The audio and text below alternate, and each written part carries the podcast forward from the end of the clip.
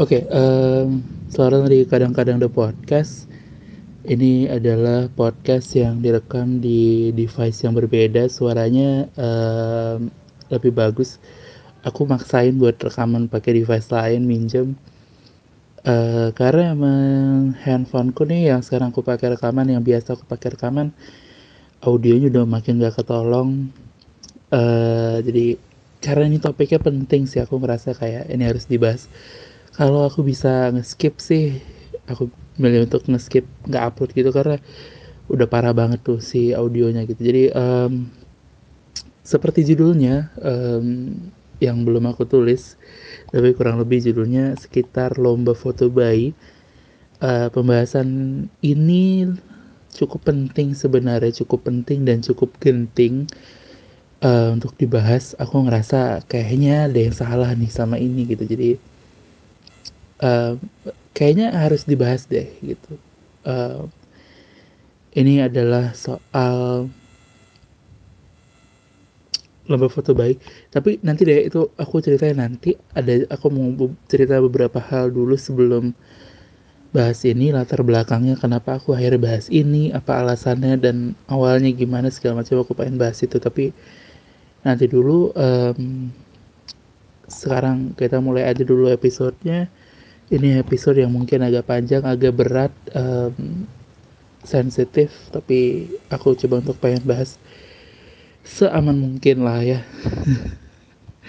Karena ancamannya kayaknya juga besar. Jadi ya udah kita langsung mulai aja. Selamat datang di kadang-kadang the podcast episode ke 69 kalau nggak salah.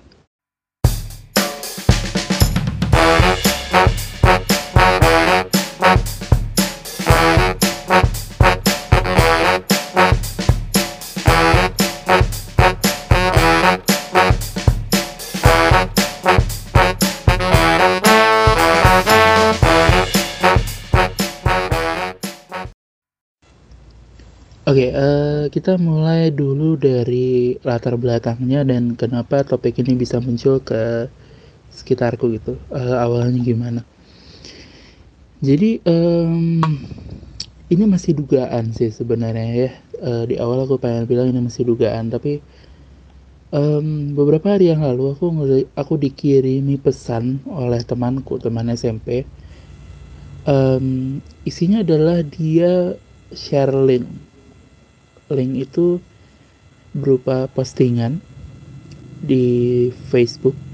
Um, ini dia kirimnya dari messenger Facebook by the way. Jadi dia kirim dari messenger Facebook isinya adalah link postingan. Lalu uh, dia nulis tuh mohon like-nya ya teman-teman. Mohon like-nya ya teman. Um, terus emot senyum di akhir aku ngeliat terus emot eh, like untuk apa ya gitu. Aku buka biasanya kan kalau gitu tuh ya kita sering lah ketemu kayak gitu-gitu. Biasa untuk yang lomba ada event ini apa segala macam. Aku aku sering tuh lumayan sering tuh dapet kayak begitu. Aku buka tuh. Lalu ternyata itu postingan milik sebuah fanpage. Aku memutuskan untuk nggak sebut namanya karena fanpage ini akan kita bahas terus sampai akhir. Dan kalau aku sebutin mungkin bisa UITE nggak tahu pencemaran nama baik jadi nggak usah disebutin namanya. Aku lihat fotonya. Fotonya adalah foto bayi. Bayi temanku tadi. Jadi di asumsiku temanku ikut lomba foto bayi di Facebook yang dinilai berdasarkan like terbanyak um, itu kenapa dia bagi-bagiin link untuk minta likes. Um, aku kaget tuh.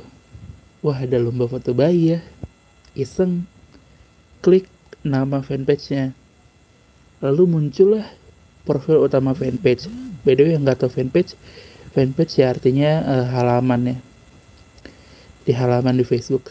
Um, aku buka tuh semua muncullah semua topik ini dugaan penipuan lomba foto bayi di Facebook. Nah, awalnya dari situ. Lalu um, setelah aku cari tahu semua hal, semua hal nyoba untuk buka sana sini gitu kenapa akhirnya ini aku putuskan untuk aku bahas adalah pertama isu ini itu udah hangat dari dulu kalau kita buka Google lalu kita tulis penipuan kontes itu saran utama pencariannya adalah penipuan kontes foto bayi di Facebook. Jadi ini adalah isu yang udah banyak dibicarakan sampai masuk ke rekomendasi Google. Ketika aku klik googling, muncullah tuh muncul artikel-artikel berisi uh, peringatan untuk hati-hati ada uh, penipuan, dugaan penipuan lomba foto bayi di Facebook. Kebanyakan dari Kompasiana, ada juga dari uh, blog-blog yang website-website parenting, eh parenting, parenting um, berisi untuk orang tua hati-hati deh ini ada ini ada ada dugaan penipuan lomba foto bayi gitu. Itu postingannya paling lama ada 2015 ada 2018, ada 2019. Isu ini udah hangat dari lama. Dan ketika aku ngomongin sama teman-temanku juga aku cerita eh lihat nih ada ada, ada aku nemuin kasus nih gitu. Nah, mereka juga udah pada denger tapi kayaknya itu udah lama jadi enggak ini aktif uh, ini masih aktif banget. Fanpage yang aku temukan itu itu masih sampai 15 menit yang lalu masih upload foto baru. Sehingga aku ngelihat isunya udah lama tapi nggak berhenti berhenti berarti kan dalam artian masih berlanjut. Kayaknya perlu digalakin lagi nih isunya gitu. Sehingga itu alasan aku ngebahas ini. Um, itu latar belakangnya sih sebenarnya tapi jujur aku juga takut ngebahas ini karena kayaknya besar di balik ini jadi setelah aku nyari itu semua aku nemuin coba untuk nyari lomba foto bayi di Facebook. Lalu saran halamannya banyak banget yang jumlah likes fanpage juga banyak banget. Jadi ini sesuatu yang besar bukan cuman kerjaan satu orang, bukan cuman orang iseng yang cuman ngambil 20 30 orang tapi besar banget. Jadi kayaknya perlu deh dibahas gitu.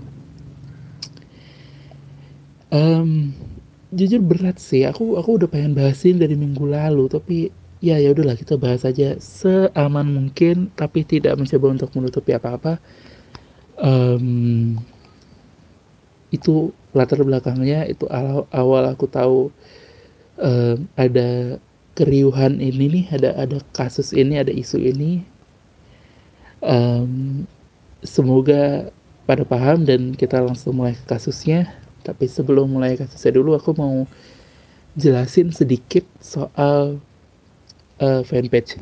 Jadi Facebook kan ada akun Facebook, ada fanpage Facebook. Fanpage Facebook adalah halaman yang dibuat oleh akun-akun yang ada di Facebook. Uh, isinya bisa banyak. Nah, um, ini mungkin adalah bagian dari penipuan tersebut, dugaan penipuan itu. Tapi aku nggak tahu nih.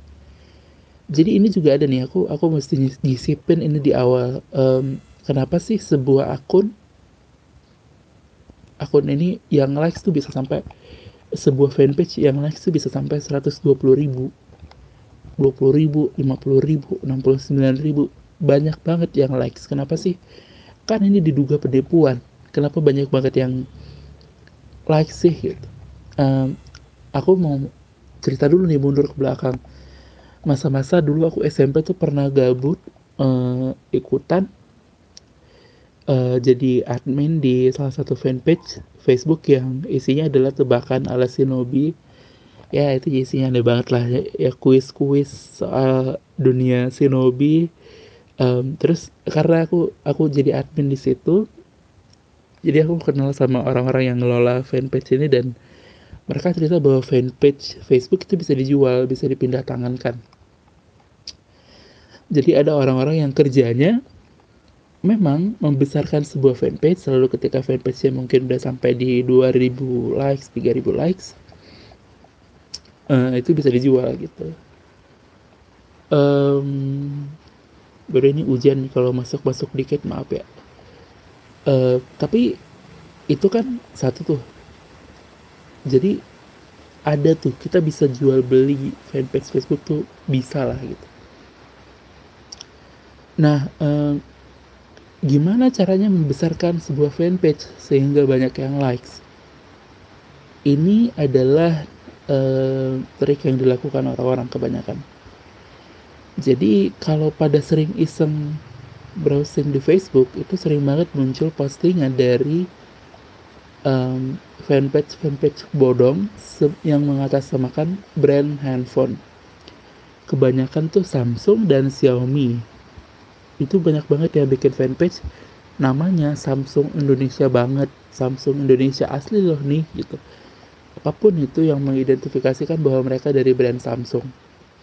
Tentu saja bukan uh, tapi si pengatasnamaan ini kemudian fanpage yang mereka buat ini dijadikan membuat sebuah giveaway dia buat postingan di mana postingan itu isinya adalah teman-teman Samsung Indonesia untuk membantu mengatasi COVID-19, pandemi jarak, pendidikan jarak jauh, membagikan 1000 handphone gratis kepada pelajar-pelajar yang terpilih di Indonesia.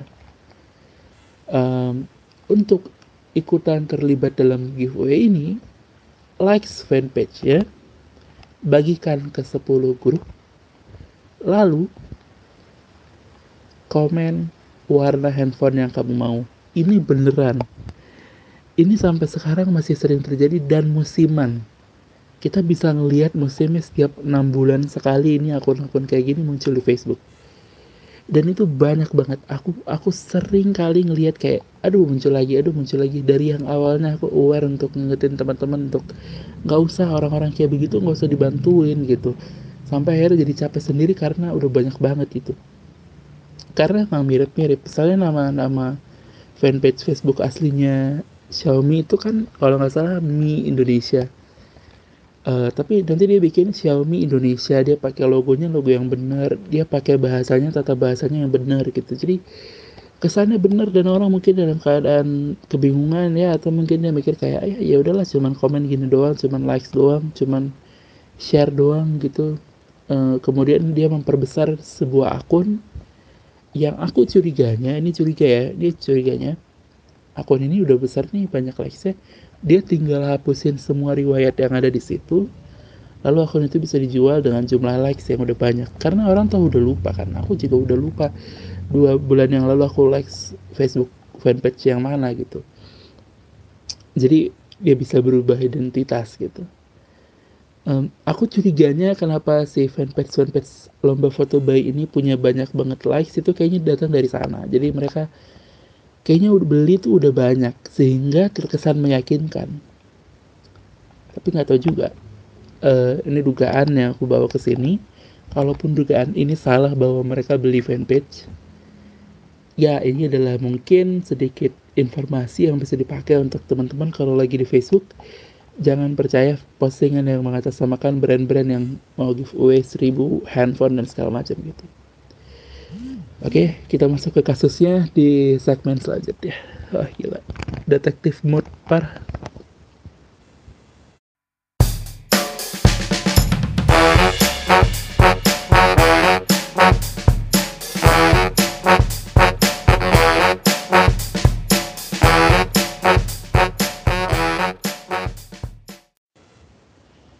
Oke, okay, uh, kita mulai pelan-pelan. Um, aku akan paparkan dari awal penemuan-penemuanku berlanjut googling berlanjut um, surfing di Facebook kita mulai pelan-pelan oke okay? uh, eh, maaf suaraku serak uh, oke okay. jadi ini fanpage pertama yang aku lihat ya di yang dibagikan sama teman SMP ku yang likes fanpage ya itu ada 183 ribu um, lalu ini bentar ada tentang ini ada tentang. Nah ini nih. Nah um, jadi aku tuh udah nemu ini dari dua seminggu yang lalu. Udah aku bikin bahkan aku udah rekam. Untungnya itu jelek hasil rekamannya. Kalau nggak udah aku upload dan jadinya nanggung jadi awalnya tuh aku cuman bingung untuk apa ya mereka mengumpulkan foto-foto bayi orang-orang. Karena aku dari awal udah duga ngapain sih gitu tujuannya apa? Karena aku mikir kayak um, untuk apa gitu? Foto bayi tuh sekriminal itu mau diapain gitu? Ya emang privasi sih tapi mau diapain? Mau dijual untuk apa gitu?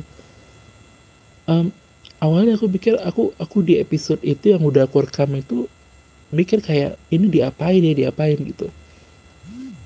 Um, tapi kemudian aku jadi sadar bahwa ternyata tujuannya adalah uang penipuan. Tapi sebelum itu jadi awalnya aku tuh cuman ngelihat kayak sedih banget ini anak-anak di foto-foto jadi konsepnya adalah um, orang tua foto anaknya lalu foto itu dikirim ke inbox ke pesan halaman tersebut dikirim foto nama usia alamat.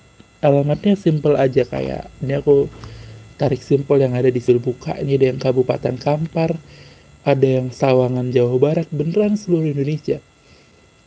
28 menit yang lalu ada Kabupaten Lamongan ada Bandung. Uh, umurnya juga variatif sekali loh beneran ada yang lima bulan ada yang delapan bulan ada yang tiga tahun. Aku kemarin pernah lihat yang oh ini dua bulan bayangin. Dua bulan. Eh, enam bulan tiga hari dua bulan tiga belas hari. Ini masih mending lah. Mereka cuma foto upload. Tapi ada ada anak-anak yang digaya-gayain. Ini ada yang 8 tahun dari Serdang, Indrapura, Batubara, ada Sukabumi ada banyak lah. Um, awalnya aku cuma mikir sedih banget ya kasihan ya privasi mereka. Tujuannya apa ya kalau kalau bukan uang uangnya dapat dari mana ya gitu. Awalnya aku bingung bingung uh, sendiri gitu. Tapi kemudian aku sadar bahwa oh ternyata ada uangnya. Nanti aku jelasin kenapa ada uangnya. Jadi gini um, kita langsung aja deh nggak usah nanti nanti deh ini biar cepat aja.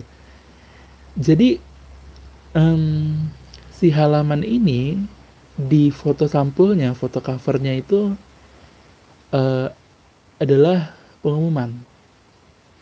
Yuk bunda buruan daftar tanda seru empat kali. Kontes foto anak. Berhadiah menarik piala kebanggaan piagam berprestasi souvenir boneka. Hadiah Uatama 2 juta. Lalu BP akhir 99.000 plus ongkir hanya yang dinyatakan menang. Di bawahnya ada dalam tanda kurung caps lock kalah gratis. Udah tahu dong arahnya ke mana? Jadi konsep lombanya adalah jumlah orang tua mengirimkan foto anaknya berserta nama, usia, dan domisili, lalu di antara anak-anak tersebut dipilih yang sebagai pemenang, lalu pemenangnya mengirimkan sebesar 100 ribu rupiah kepada panitia, lalu panitia mengirimkan piala, piagam, dan boneka. Oke, ya. Nggak apa-apa dong, kan namanya lomba orang mencari untung nggak apa-apa. Tapi, mari kita lihat. Ini aku akan terdengar seperti orang ngapain sih ngurusin lapak orang lain. Tapi ini sedih banget, maksudnya. Aduh, aku tadi tuh beneran pas pas pas baca-baca ya. Aku sampai kayak ngelepas handphone karena ngerasa kayak internet bisa sejahat ini gitu. Kenapa aku bisa bilang jahat ya? Baik. Ini dalam satu hari aku ngeliat dia mengum, pengumuman pemenang dalam satu hari itu ada lima kali. Satu kali pengumuman pemenang itu ada 20 juara udah ngerti dong arahnya ke mana. di satu kali pengumuman pemenang ada 20 juara misalnya nih temanya anu lah ya kalau mau sebutin. Ya temanya cintaku misalnya gitu. Juara satu kategori kesukaan. Si Fulan. Juara satu kategori senyum indah. Si Fulan. Juara satu kategori kesayangan. Si Fulan. Juara satu kategori best kostum si Fulan. Sampai 20 di satu kali pengumuman pemenang. Dalam satu hari ini aku nggak bohong. Dalam satu hari aku udah ngeliat dia ngumumin 3 sampai 4 kali bahkan 5 kali. Jadi bayangin nih hitung-hitungannya adalah 100 orang sehari. Anggaplah dia nggak ngumumin tiap hari. Anggaplah 100 orang ini dia ngumumin sekali seminggu. Jadi dalam satu minggu dia ngumumin 100 pemenang setiap pemenang mengirimkan 99 ribu. Oke? Okay? berarti si si uh, bentar. Aduh kenapa nggak hang sih?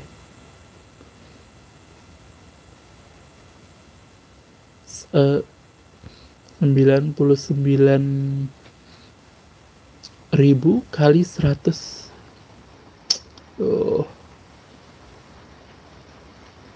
kali 100 pemenang. Ya. Itu adalah 9 juta 900 dalam satu minggu itu dia bisa paling kecil dapat 9 juta 900 kalau 100 pemenang mengirimkan uang yang diminta. Oke? Lalu berapakah harga sebuah piagam piala dan boneka. Piala kita ambil paling murah karena aku udah ngeliat testimoninya piala paling mahal kita ambil paling mahal deh. Paling mahal 15 ribu. Lalu anggaplah piagam 2000 satu lembar. Ya kalau kita ambil murah mahalnya ya ya udah goceng deh. Ya satu lembar gitu. Lalu boneka berapa sih? Bonekanya bukan yang mahal-mahal kok aku ngelihat sendiri kualitasnya. Tapi nggak apa-apa deh kita ambil anggap bonekanya 30 ribu nih. Oke.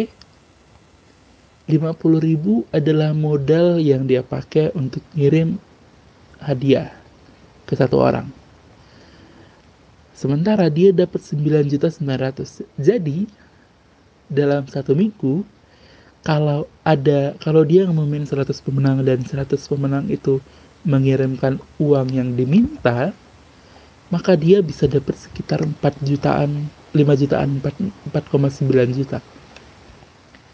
Itu kalau harga satu piala 15.000 harga satu piagam 5.000 harga boneka 30.000 tapi pasti kurang dari itu. Aku bisa aku bisa lihat sendiri dan aku tahu paling berapa sih. Dan ini kan udah project besar ya. Maksudnya dia kan udah janjian. Pasti kan aku kasih harga murah atau apa segala macam dia pasti bisa dapat banyak dari itu. Tapi anggap pun dia dapat setengahnya kan jahat banget ini beneran tadi aku tuh udah mikir kayak aku mau ngejokes ah nanti di di podcastku bahwa ini tuh kerjaan um, tukang piala dan tukang balon sama tukang percetakan yang uh, iseng gak ada pemasukan terus kemudian mereka ngobrol ketemu di warung nasi terus kayak eh gimana kita apa ya kerjaan? Yuk bikin kontes foto bayi kamu supply pialanya aku supply bonekanya kamu supply piagamnya kita bikin kita bisa jual dengan tiga kali lipat empat kali lipat gitu. Aku pengen ngejokes gitu tapi nggak tega. Tapi sekarang aku ngomongin juga gitu. Ya menyedihkan kan? Untuk ngeliat orang ngeraup keuntungan dari sini dari dari orang tua orang tua yang foto anaknya dan kemudian anaknya dikirim foto foto anaknya dikirim dan semuanya menang hampir semuanya menang. Jadi kalau dia bilang kalah gratis ya karena menang semua dengan semua kategori yang dibuat-buat itu gitu. Oke okay. aku udah lihat nih satu fanpage dengan 189.000 likes. Aku cari dong apa ya apakah ini hanya sendiri? Enggak juga.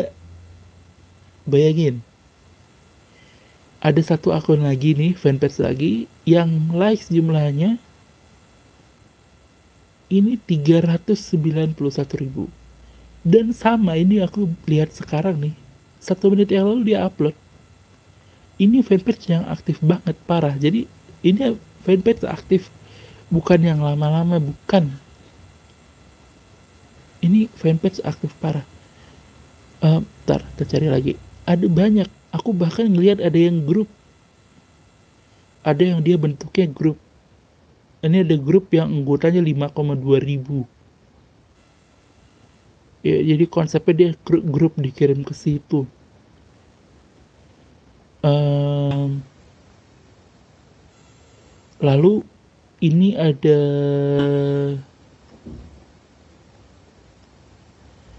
Bentar, kita lihat lagi nih. Aduh, gila sih ini.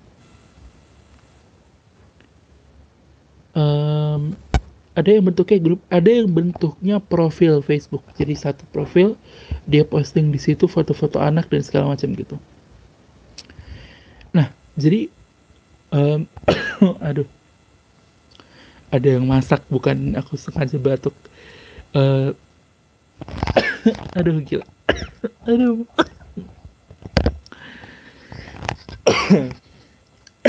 kebayang gak sih orang masak sambal pedes tuh gitu kan? Ini biar agak santai dikit karena aku beneran sensitif sih soal ini. Jadi bayangin keuntungan yang dia dapat dari sana. Nah itu itu yang bisa aku paparkan. Ini masif ini terstruktur aku duga yang ngerjain satu orang. Dalam artian aku mungkin punya lima anggota satu anggota ngurus satu grup aku nggak tahu. Karena kesannya sama semua sama semua diminta untuk ngasih 100 ribu 99 ribu semua sama. Dan semua konsepnya sama. Ini ada nomor handphone ya mereka taruh nomor handphone mereka taruh uh, info-info tapi aku nggak yakin ya aktif sih. Tapi ya ya udahlah. Uh, jadi ini adalah sesuatu yang menurutku besar sekali sih. Aku udah jelasin uh, tentang kasusnya. Uh, di segmen selanjutnya aku pengen ngomongin soal kenapa ini bisa kejadian kenapa ini nggak berhenti kejadian kenapa ini ada lagi ada lagi dan lain-lain gitu. Kayaknya untuk kasusnya sih segini aja. Aku kalau diminta bisa nunjukin bukti-buktinya foto-fotonya. By the way kayaknya aku di uh, blog deh sama salah satu fanpage. Karena tadi aku uh, kirim pesan dari Facebook. Aku tanya uh, siang Min kalau saya mau daftar kontesnya bagaimana ya? Gitu aku kirim tapi nggak dibales. Kemudian aku buka fanpage-nya aku udah nggak bisa nge-like cuma bisa nge-share.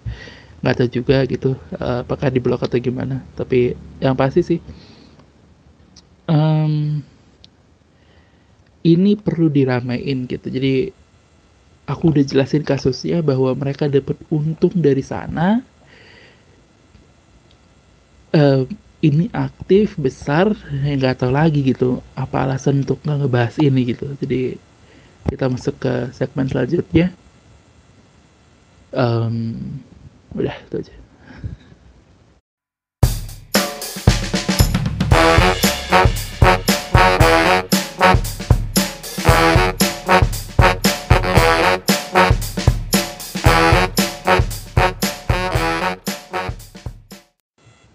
Oke, okay, um, kita masuk lagi di segmen selanjutnya dari kadang-kadang the podcast episode 69.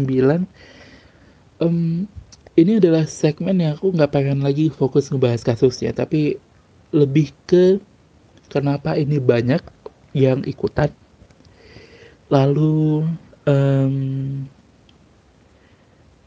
kenapa ini terulang terus karena ada buktinya dari tahun 2015 sudah ada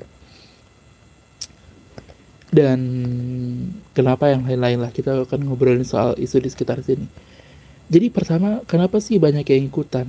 Aku juga mikir bahwa ya ini emang salah orang tuanya dong. Orang tuanya kan kenapa nggak punya literasi digital yang oke okay untuk sadar bahwa dia dalam dugaan penipuan gitu?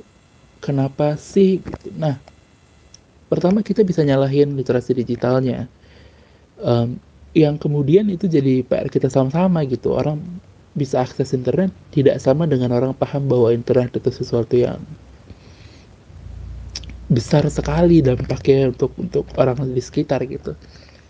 Tapi aku sih selalu bilang kalau udah kondisi kayak begini masa sih mau nyalahin korban gitu?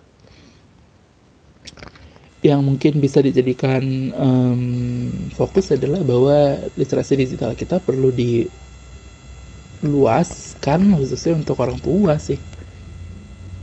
Nah e, pertama kita bisa nyalahin literasi digitalnya. Kedua kita bisa nyalahin bukan nyalahin tapi kita bisa address um, bahwa orang tua orang tua memang kita lihat di sini banyak orang tua yang ngerasa bahwa aku perlu untuk anakku punya prestasi se sekecil mungkin masih dari kecil oh, punya prestasi punya piagam punya piala juara ini itu memang perlu itu sesuatu yang penting. Itu adalah sebuah pembuktian pengakuan dari sekitar gitu. Um, kita harus sama-sama paham kalau enggak yang ikutan nggak bakal sebanyak itu. Jadi ini adalah gabungan dari literasi digital yang kurang. Lalu um, ya keinginan untuk diakui di di iya diakui aja punya prestasi dan segala macam gitu. Uh, tapi caranya juga emang sialan karena jadi ini ini yang aku lihat ya. Pada tahun 2015-2016 yang terjadi adalah mereka pakai sistem setiap yang daftar bayar sehingga bisa dikatakan sebagai penipuan. Masa daftar doang bayar? Kalah kan gimana dong gitu. Sehingga mereka ubah tuh sistemnya. Daftar gratis kalah gratis tapi menang bayar. Jadi orang nggak merasa kena tipu. Tapi kan penipuan gitu. Maksudnya. Ngerti gak sih? Aku nggak tahu tuh istilah BP itu apa? Tapi BP 99.000 itu kan nggak benar-benar sistemnya kayak begitu. Karena kita lihat kenyataannya hampir semua menang gitu dengan dengan juara-juara yang ada gitu. Ini sebenarnya mirip kok. Kayak banyak banget orang bikin kontes nulis tapi kalau kita menang atau cerpen cerpen atau puisi kita menang lolos seleksi kita malah disuruh bayar gitu. Banyak kok banyak kok ya bikin kayak begini. Nah um, tapi ini ini anak nah aku nggak pengen bahas soal privasinya karena itu kayaknya udah di tahap yang berbeda deh. Ini masalah literasi digital masalah soal pengen diakui gitu.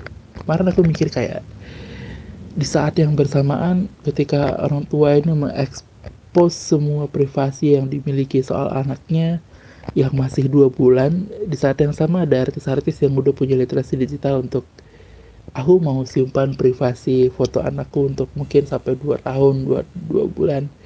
Uh, ada orang tua orang tua artis yang kayak nggak um, expose foto anaknya dan segala macam. Kita udah punya sosial media yang kayak begitu tapi di saat yang bersamaan kita ngelihat orang-orang mengejar pengakuan mengejar eksistensi dari mengekspos foto anak gitu.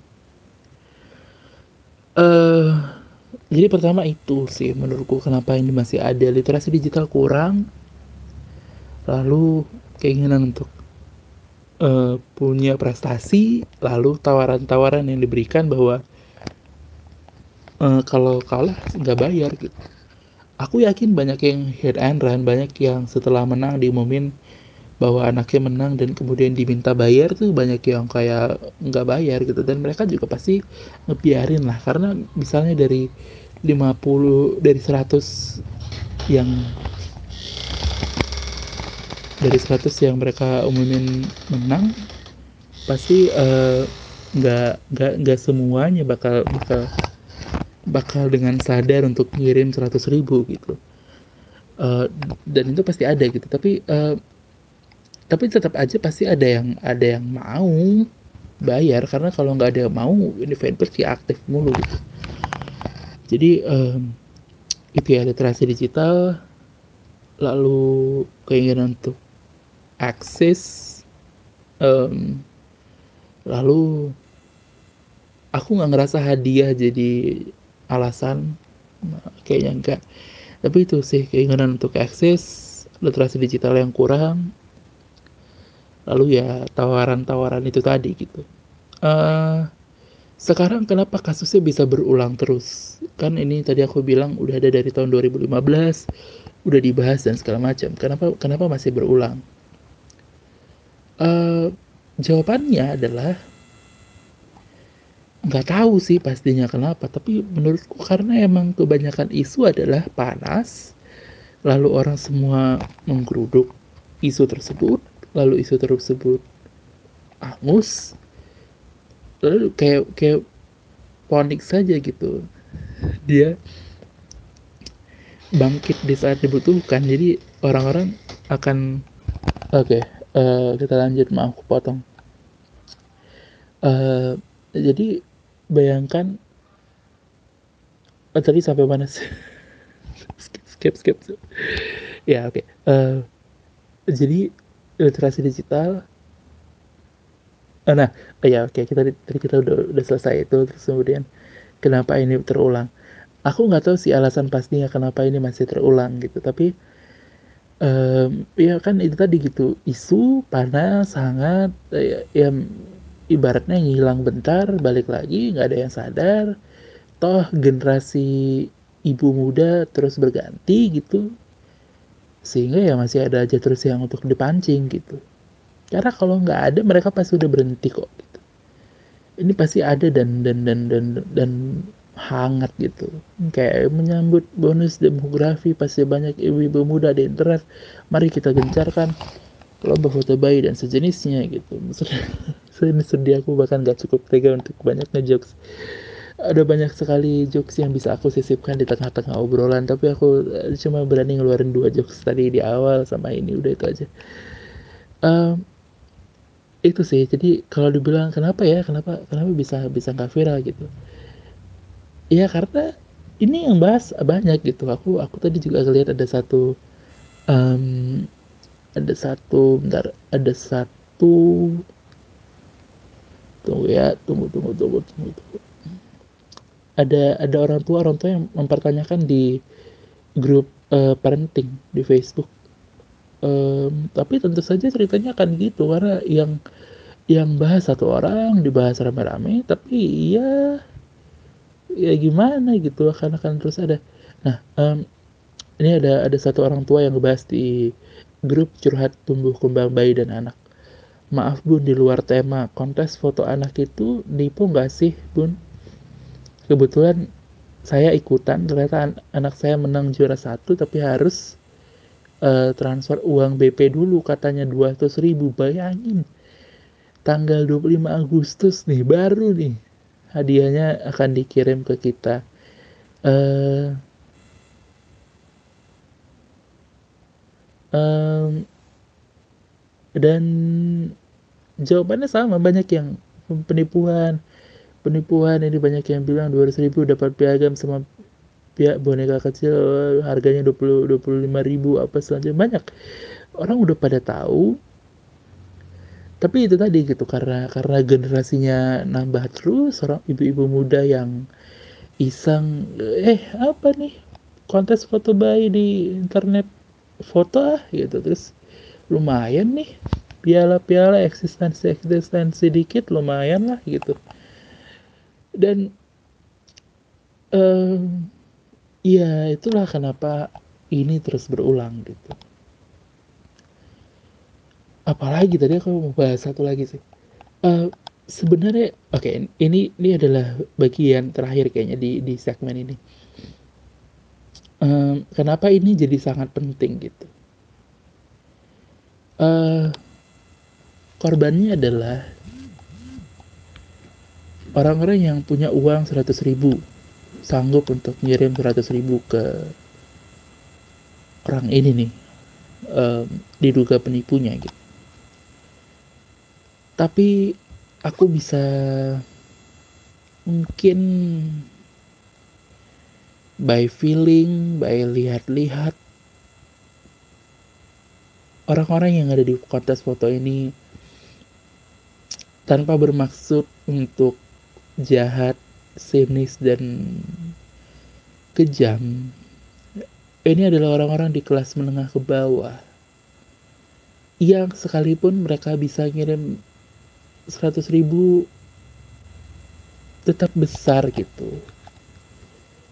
Aku ngebayangin gitu kayak kalau dia ngomong sama suaminya suamiku anak kita menang pantas foto bayi. Wah selamat anak kita memang lucu uh, tapi harus kirim dulu 100 ribu suamiku. Ah kamu ada-ada aja ngapain sih? Kan laki-laki cenderung logis cenderung gak mikirin soal eksistensi eksistensi.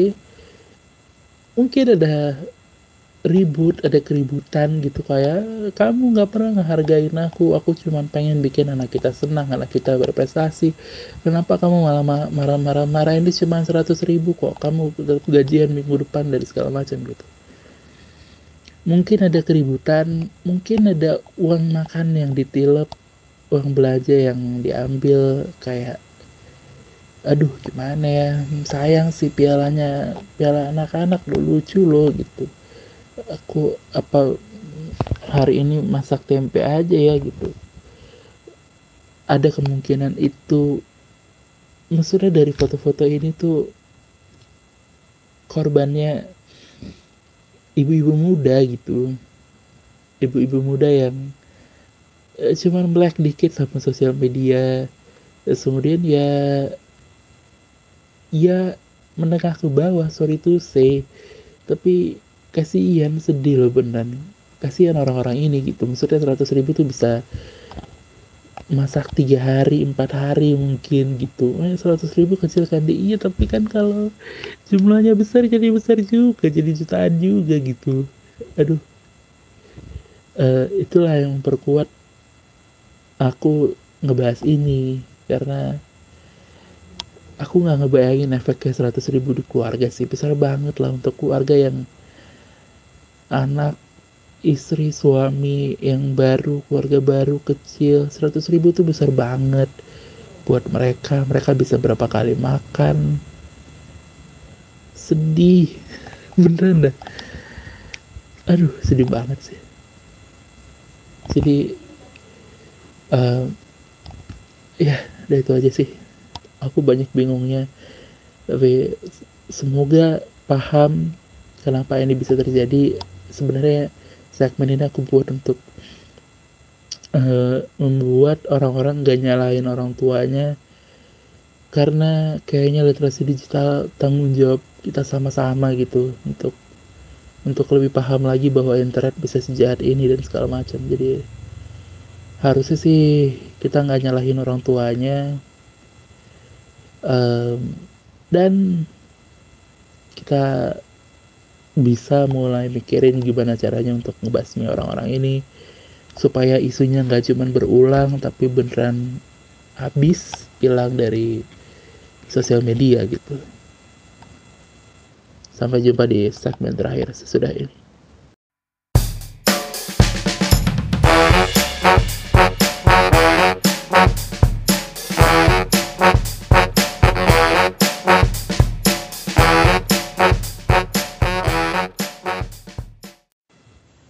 Oke, okay, uh, eh, ini adalah segmen terakhir di kadang-kadang the podcast episode 69. Semoga pesannya sih ter tersampaikan dengan jelas, hati-hati. Um, aku hanya menularkan rasa waspada. Um,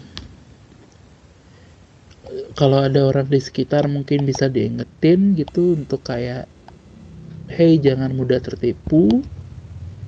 Sayangi anak Anda dengan menjaga privasinya gitu.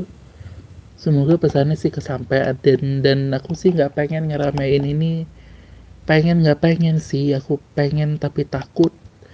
pengen tapi males ribut pengen tapi males rame-rame uh, tapi mau nggak pengen tapi aku tahu ini sesuatu yang harusnya nggak kejadian gitu kalau kita punya uh, literasi digital yang oke. Okay, tapi mau nggak pengen juga kasihan orang tua orang tua ini gimana gitu. Jadi um, kalau bisa kita ramein minimal ngasih tahu 10 ibu muda di sekitar kita sih harusnya isu ini bisa berhenti lah ya gitu.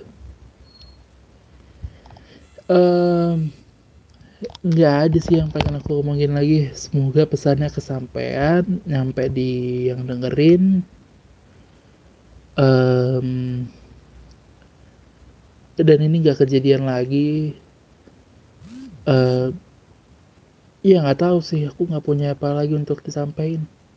Apaan coba? Ada nggak ya informasi yang kelewat bentar? Um, nggak uh, ada sih harusnya. Karena soal nama segala macem kayaknya nggak harus disebutin. Tapi nggak usah nyari juga. Kecuali kalau mau report report ya terserah.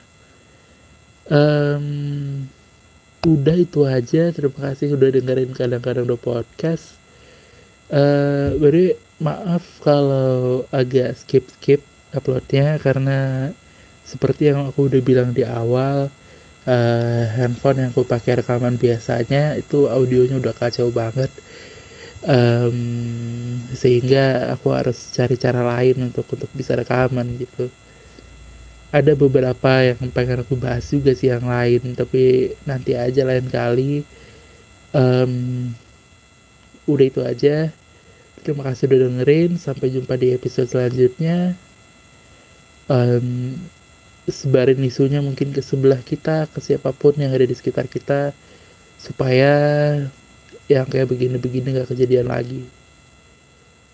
Uh, udah. Terima kasih. Dadah